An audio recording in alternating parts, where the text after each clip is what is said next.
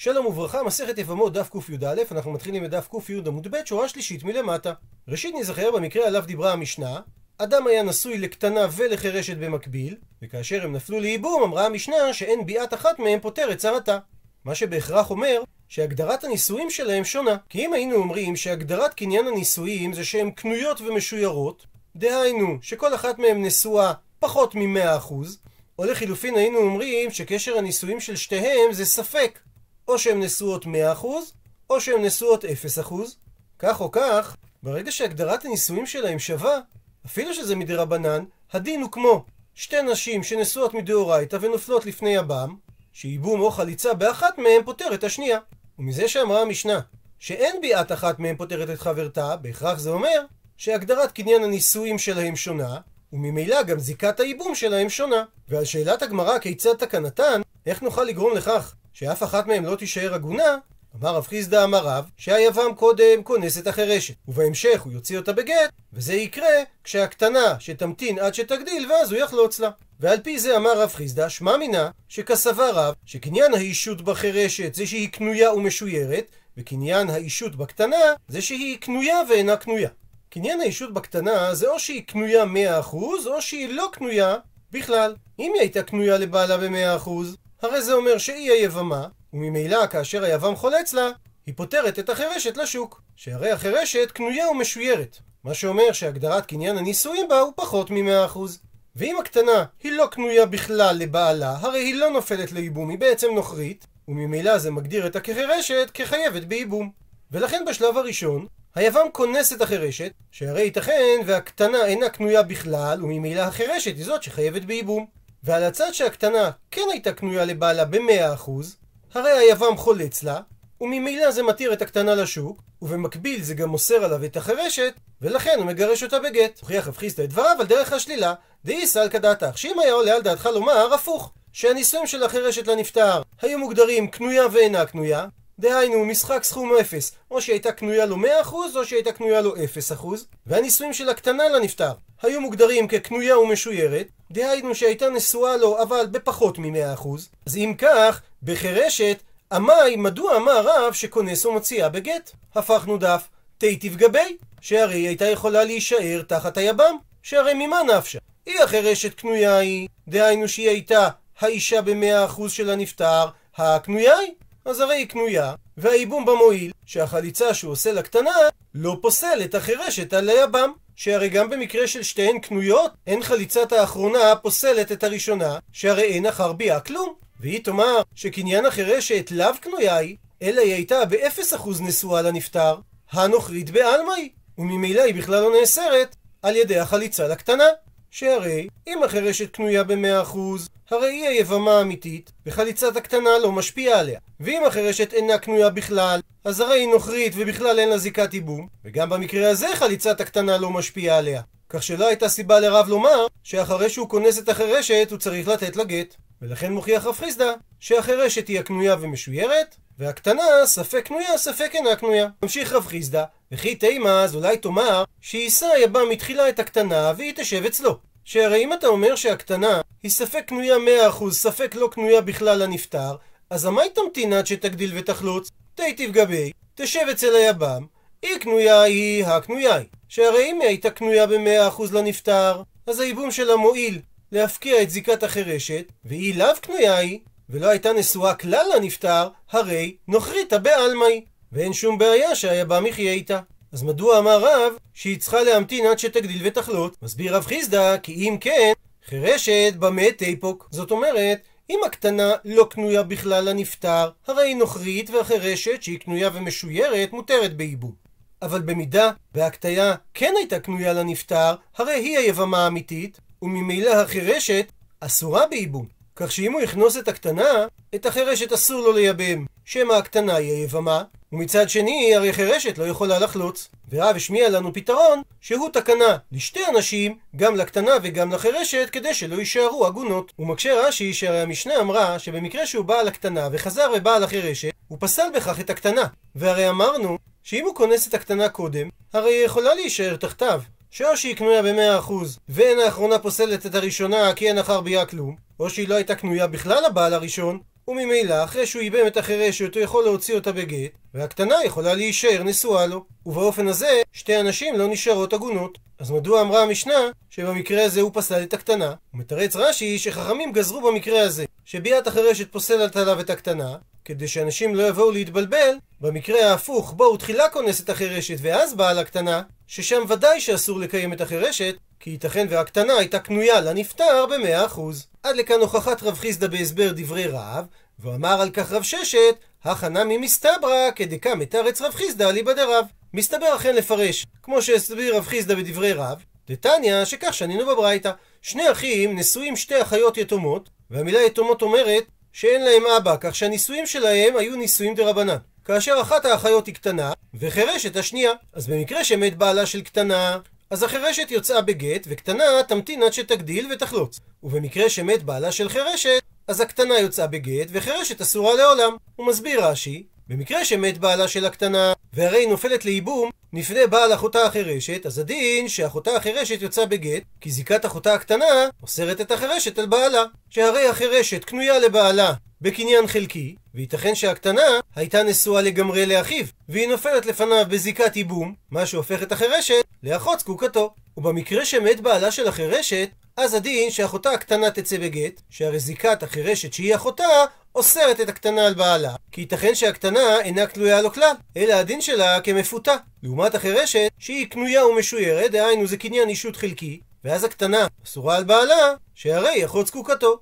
ואמרה הברייתא שבמקרה הזה החירשת אסורה לעולם, שהרי לכנוס אותה אי אפשר, שמא הקטנה כן קנויה. ואחרי שבעלה גירש אותה, הרי החירשת היא אחות גרושתו. כך שאפילו אם מתה הקטנה אחר כך ופקע איסור אחות אישה, היא עדיין תהיה אסורה לה משום איסור אשת אח, שהרי בשעת הנפילה היא נפטרה ממנו בגלל שהיא הייתה אחות גרושתו. אבל מצד שני, הרי חירשת לא יכולה לחלות, שהרי היא לא יכולה לומר שם את הפסוקים, וממילא הדין שהיא אסורה לעולם, בין על היבם, בין על כל אדם אחר. וכאן אומרת הברייתא, את המשפט שממנו רב ששת יוכיח את דבריו, ואם בעל החירשת נותן לה גט והותרה.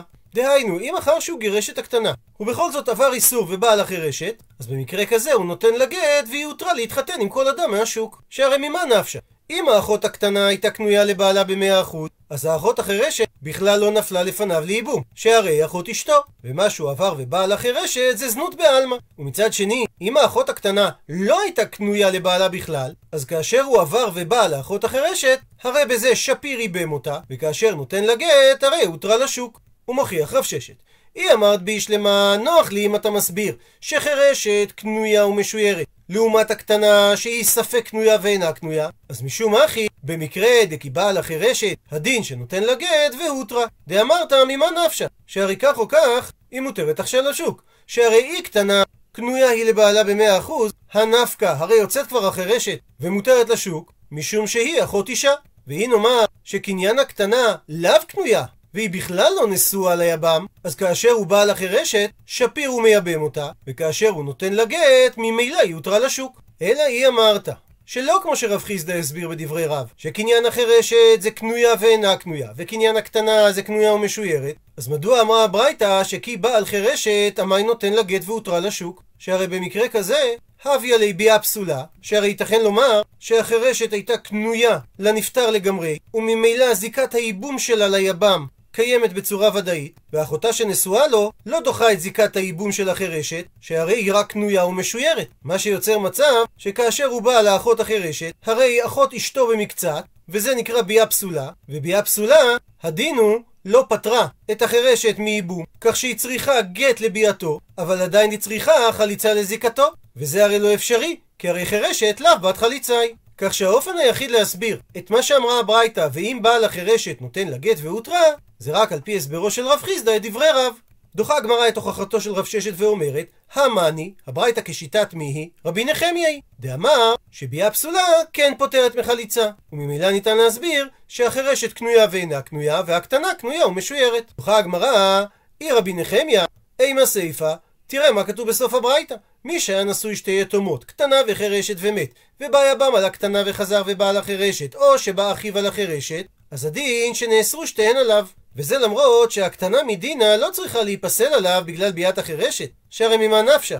אם הקטנה קנויה אז אין דבר שפוסל אחרי ייבום, ואם היא לא קנויה, אז היא נוכרית בעלמא. ובכל זאת גזרו חכמים שהיא תהיה אסורה, כמו שהסברנו קודם, משום גזרה שבמקרה הפוך, שקודם הוא בועל את החירשת ורק אחר כך את הקטנה, יבואו לטעות ולומר שיכולה החירשת להישאר תחתיו, וזה אסור כי ייתכן שהקטנה קנויה היא כולה, והיא אוסרת עליו את החרשת משום אחות חלוצתו. וממשיכה הברייתא כיצד תקנתן? מה הפתרון כדי שהם יוכלו להתחתן? אומרת הברייתא, החירשת יוצאת בגט, והיא מותרת לשוק, שאם הקטנה קנויה היא, הרי נפטרה החירשת בביאתה של הקטנה, ואם הקטנה לאו קנויה היא, הרי נפטרה החירשת בביאת היבם, שייבם אותה ואחר כך נתן לה גט. והקטנה תמתין עד שתגדיל ותחלוץ. עד לכאן לשון הברייתא ומוכיחה הגמרא.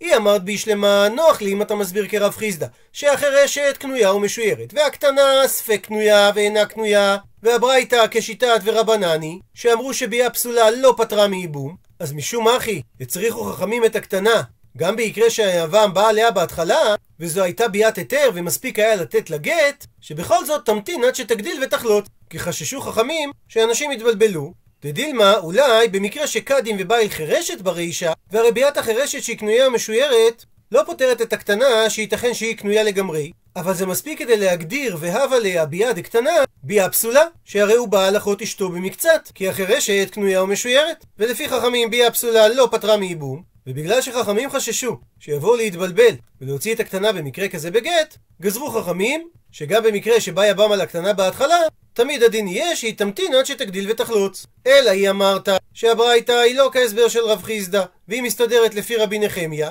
האמר בנחמיה שביאה פסולה כן פטרה מחליצה, ולפי זה לא מובן מדוע אמרה הברייתא שכאשר בא היבם על הקטנה בתחילה, תמתין עד שתגדיל ותחלוץ. שהרי גם במקרה ההפוך, שהוא יבוא תחילה על החירשת ואז על הקטנה, הקטנה תהיה פטורה מחליצה. אלא שמע מינה, שהברייתא בהכרח רבנני, שמע מינה. עד לכאן זה הוכחה של רב ששת, שחייבים לומר כדברי רב חיסדא בהסבר דברי רב, שהחירשת קנויה ומשוירת, והקטנה ספק קנויה ואינה קנויה. מוסיף על כך אמר רב אשי, שמרישא של הברייתא, נמי שמע מינה שהברייתא כשיטה דרבנני, וממילא כהסברו של רב חיסדא בדברי רב. דקתני, שהרי אמרה הברייתא בהתחלה לגבי מת בעלה של חירשת, והיא נופלת לייבום לפני הבעל של אחותה הקטנה, שאם בעל החירשת נותן לה גט והותרה. ולא קתני, והברייתא לא כתבה, במקרה המקביל של מת בעלה של קטנה, והיא נופלת לייבום לפני הבעל של אחותה החירשת, שאם בעל הקטנה נותן לה גט והותרה. וזה בהכרח בגלל שהחירשת קנויה במקצת, לעומת אחותה הקטנה, שייתכן שהיא קנויה כולה, כך שקניין המשוירת של אחותה החירשת לא דוחה לה את חובת הייבום, אבל עדיין היא אסורה על היבם משום שהיא אחות אשתו במקצת. ואם הוא היה בא עליה, הרי זו ביאה פסולה, שלפי חכמים לא פותרת אותה מייבום, ולכן הברייתא לא אמרה שבמקרה כזה יוצא בגט. דוחה הגמרא את ההוכחה של רב אשי, אם משום הא לא איריה. אם זאת ההוכחה שלך, לא ניתן להוכיח שזה כרבנן, כי ניתן לומר שחירשת דלית לתקנתא דהתירא, אז קטני תקנתא דאיסורא. לעומת זאת, קטנה דאית לתקנתא דהתירא, לא תני תקנתא דאיסורא. שהסיבה שהברייתא לא אמרה את המקרה של אם בעל הקטנה נותן לה גט והותרה, זה לא בגלל שהדין הזה לא נכון, אלא שהברייתא לא אמרה אותו, כי קטנה יש לה פתרון של היתר, שהרי יכולה להמתין עד שתגדיל ותחלוץ. ולכן לא אמרה הברייתא פתרון שהוא באיסור על הקטנה. מה שאין כן לגבי חירשת, שאין לה תקנה דהתירה, שהרי אמרה הברייתא, וחירשת אסורה לעולם, ולכן כתבה הברייתא את התקנה האפשרית היחידה בחירשת, שהיא תקנתא דאיסורא, שאם בעל החירשת נותן לה גט והותרה. ועל פי ההסבר הזה, אין הכרח לומר שהברייתא היא כחכמים ולא כרבי נחמיה. ואומרת המשנה, מי שהיה נשוי לשתי יתומות קטנות, ומת, ובא יבם על הראשונה וחזר ובא על השנייה, או שלא בא היבם על השנייה, אלא שבא אחיו על השנייה, הפכנו דף, אז הדין שהוא לא פסל את הראשונה על היבם הראשון, שהרי ביאתן של הנשים שווה על הבעל ועל היבם, ואם הראשונה קנויה היא, הרי היא אשתו, והביאה לאחרונה זה ביאת זנות, ואם הראשונה לא קנויה היא, הרי שתיהן נוכריות אצלו, שהרי הן לא היו קנויות גם לאחיו. וממילא הוא יכול לקיים את הראשונה שלא נפסלה עליו, אבל באחרונה, שיש את החשש שאולי מי שבא על הראשונה נאסרה עליו השנייה באיסור שלא להקים שני בתים, הרי הדין שהוא לא יכול לקיים את האחרונה.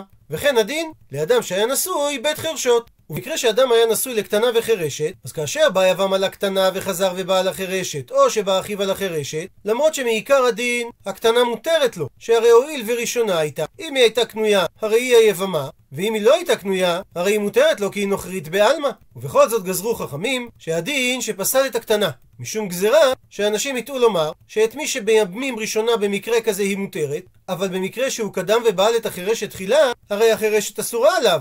שמא הקטנה קנויה כולה, וכאשר הוא חזר ובא לקטנה, הרי הוא אוסר עליו את החירשת שהיא רק קנויה בקניין חלקי. ובמקרה שבא יבם על החירשת וחזר ובא על הקטנה, או שבא אחיו על הקטנה, ודאי שבמקרה כזה פסל את החירשת. וכאשר שתי האחיות הן פיקחת וחירשת, אז כאשר בא יבם על הפיקחת וחזר ובא על החירשת, או שבא אחיו על החירשת, הרי הדין שהוא לא פסל את הפיקחת, שהרי זיקת הפיקחת היא דאורייתא, וכאשר הוא ייבם אותה, הוא הפקיע לחלוטין את זיקת החירשת. מה שאין כן במקרה ההפוך, כשבא יבם על החירשת תחילה, וחזר ובא על הפיקחת, או שבא אחיו על הפיקחת, במקרה כזה הרי ודאי שהוא פסל את החירשת, שהזיקה שלה זה רק דרבנן, ואין הייבום שלה מפקיע את זיקת הייבום של הפיקחת, ולכן כאשר הוא חזר ובא על הפיקחת, הרי פסל את החירשת. ואם מדובר ששתי אחיות הן גדולה וקטנה, אז במקרה שבא יבם על הגדולה וחזר ובא על הקטנה, או שבא אחיו על הקטנה, הדין שלא פסל את הגדולה, שהרי זיקתה דאורייתא וזיקת הקטנה דרבנן, אבל אם בא יבם על הקטנה וחזר ובא על הגדולה, או שבא אחיו על הגדולה, הרי הדין שפסל את הקטנה. כמו במקרה של פיקחת וחירשת, שהרי זיקת הגדולה כזיקת הפיקחת דאורייתא, וזיקת הקטנה כזיקת החרשת דרבנן. רבי אלעזר חולק ואומר, מלמדין הקטנה שתמאן בו. ואומרת הגמרא, אמר רבי יהודה אמר שמואל, הלכה כרבי אלעזר. וכן אמר רבי אלעזר, ואומר רש"י, שזה רבי אלעזר בן פדת האמורה, שהלכה כרבי אלעזר, ולמשנה, שזה רבי אלעזר בן שמוע. והיה קשה לגמרא, מה שנקרא שאלה נסתרת, מדוע שמואל ורבי אלעזר בן פדת היו צריכים לומר גם במשנה בדף קט, שהלכה כרבי אליעזר, שמלמדים את הקטנה למאן, וגם במשנה שלנו שהלכה כרבי אלעזר, שמלמדים את הקטנה למאן. ועל כן אומרת הגמרא וצריכא, צריך היה להשמיע לנו שההלכה בשני המקרים הללו שמלמדים את הקטנה למאן, דאי איתמר בהא שאם היו אומרים רק לגבי המקרה של החיות שנפלה הגדולה לפני בעל הקטנה לייבום, ששם מלמדים את הקטנה למאן, אז הייתי אומר שבהך קאמר, דווקא בזה אמר שמואל שהלכה כרבי אליעזר, משום דלא קיים מצוות ייבום, ולכן מלמדים את הקטנה אשתו למאן, כדי שהוא יוכל לייבם את אחותה שהיא יבמתו. אבל אולי בהא, במשנה שלנו, דאיכאי מצוות ייבום, שהרי בא יבם על הקטנה, וקיים ייבום דרבנן, ואחר כך חזר ובא על הגדולה, וקיים ייבום דאורייתא, כך שהוא כבר קיים מצוות ייבום בשתיהם, אז אולי בזה, אימה נאמר תרוויו ליפקו בגט, שלא מלמדים את הקטנה למען, אלא יוציא את שתיהם בגט. לכן היה צריך להשמיע לנו, שבמשנה שלנו הלכה כרבי אלעזר, שמלמדים את הקטנה שתמען בו. ולחילופין, ויש מינן בהא, אם היו מלמדים אותנו במשנה שלנו, שהקטנה והגדלה לא אחיות אלא נשואות לאותו אדם, שמלמדים את הקטנה למאן, הייתי אומר שזה משום דגדולה רמיא קמיה. שבגלל שהגדולה נופלת לפני האח לייבום, אנחנו מלמדים את הקטנה למאן, כדי שהוא יוכל לייבם את הגדולה. אבל אידך, אבל אולי במקרה של המשנה בקט, שהקטנה והגדולה הם אחיות, והרי הגדולה היא אחות אשתו, ולכן היא לא נופלת לפניו לייבום, אז אולי נאמר שבשביל ייבומיה של הגדולה, לא מלמדים את הקטנה למאן. לכן אומרת הגמרא שצריכה, גם במקרה ההוא לומר, שהלכה כרבי אלעזר שמלמדים את הקטנה שתמאן בו. ואומרת המשנה, יבם קטן שבא לבמה קטנה, יגדלו זה עם זה, גן ילדים. ואם הוא בא לגרשה אינו יכול עד שיגדיל שהרי גט של קטן אינו גט. ועל אותו עיקרון, אם הקטן בא על יבמה גדולה, הרי הוא לא יכול לתת לה גט, ולכן תגדלנו. ועוברת עכשיו המשנה למקרים שבהם כופים או מבקשים מהיבם לחלוץ. היבמה שאמרה, בתוך 30 יום, מאז שכנסה היבם, לא נבהלתי, אז הדין שכופים אותו שיחלוץ לה. אומר רש"י שהגמרא תסביר שמדובר שיש גט יבמין שיוצא מתחת ידה, והוא אומר בעלתיך ודייך בגט, ובכל זאת כופים אותו לחלוץ, שהיא נאמנת, לומר שהוא לא בעל אותה, כי ייתכן מצב עד 30 יום שאדם יתאפק ולא יבעל את יבימתו, ולכן לא מספיק גט כדי להפקיע את זיקת הייבום. אבל אם היא אומרת לא נבהלתי לאחר 30 יום משכנסה היבם, במקרה כזה מבקשים ממנו שיחלוץ לה, כי הוא נאמן לומר שהוא בעל אותה ומספיק הגט שנתן לה, שאחרי 30 יום, חזקה שהיבם כן בעל אותה. והסיבה שבכל זאת מבקשים ממנו לחלוץ לה ולא מסתפקים בגט, כי כאשר האישה טענה שהיא לא נבעלה, היא שביתה לנפשה חתיכה דאיסורא. היא הטילה על עצמה איסור, שהרי מגדירה את עצמה כחייבת חליצה, ולכן מבקשים ממנו לחלוץ לה, אבל לא ניתן לכפות אותו על כך. ובזמן שהוא מודה שהוא לא בעל אותה, אז אפילו לאחר 12 חודש כופים אותו שיחלוץ לה. מקרה נוסף, הנודרת הנאה מיבמה בחיי בעלה. וכאשר היא נדרה את זה, היא לא התכוונה לפטור עצמה ממנו לאחר מיתת בעלה, שהרי לא העלתה על דעתה שבעלה ימות בלי בנים והיא תיפול לפניו לאיבום, אלא שהיה להם כעס זה עם זה. אז במקרה כזה, כופים אותו שיחלוץ לה. אבל אם היא נדרה הנאה מיבמה לאחר מיתת בעלה, וניכר הדבר שהיא עשתה את זה כדי להיפטר מהאיבום, אז במקרה כזה מבקשים ממנו שיחלוץ לה. ואם נתכוונה לך אפילו בחיי בעלה, כגון שבעלה כבר היה גוסס, אז גם במקרה כזה מבקשים ממנו שיחלוץ לה. מה שאמרה המשנה, יבם קטן שבעל יבמה קטנה שיגדלו זה עם זה, שואלת הגמרא, לאמא מתניתין, אולי משנתנו דלא כרבי מאיר? דתניא, שכך שנינו בברייתא, קטן וקטנה לא חולצין ולא מתייבים דברי רבי מאיר. והסיבה לדבר, קטן שמא יצא סריס, קטנה שמא תימצא איילונית, ואינם בני ייבום, ואז נמצאו פוגעים בערווה. ואם כך, זה סותר את המשנה. מתרצת הגמרא, אפילו תימה ניתן לומר שמשנתנו כרבי מאיר. וההסבר לכך, כי אמר רבי מאיר, שקטן וקטנה לא חולצים ולא מתייבמין, זה במקרה של גדולה לקטן וקטנה לגדול. דחד מיניו ביד האיסור ההוא, שלגבי אחד מהם, או הגדול או הגדולה, זה ביה של איסור. הוא מפרט רש"י, קטן בגדולה, שהגדולה בת עונשין היא, ושמא הקטן יימצא סריס, והרי נבהלה לה אסור לה שלא במקום מצווה, וכן גדול בקטנה, אם הקטנה תימצא איילונית, נמצא שהגדול פגע בערווה.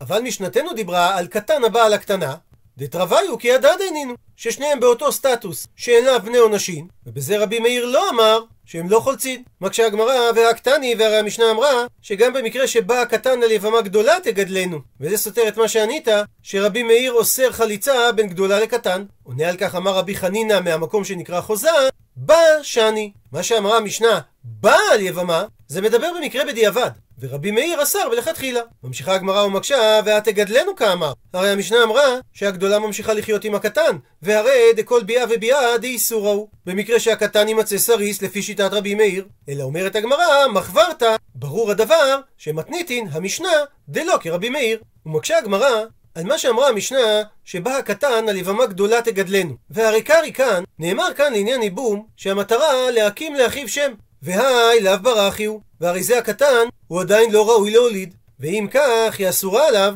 משום אשת האח שלו במקום מצווה.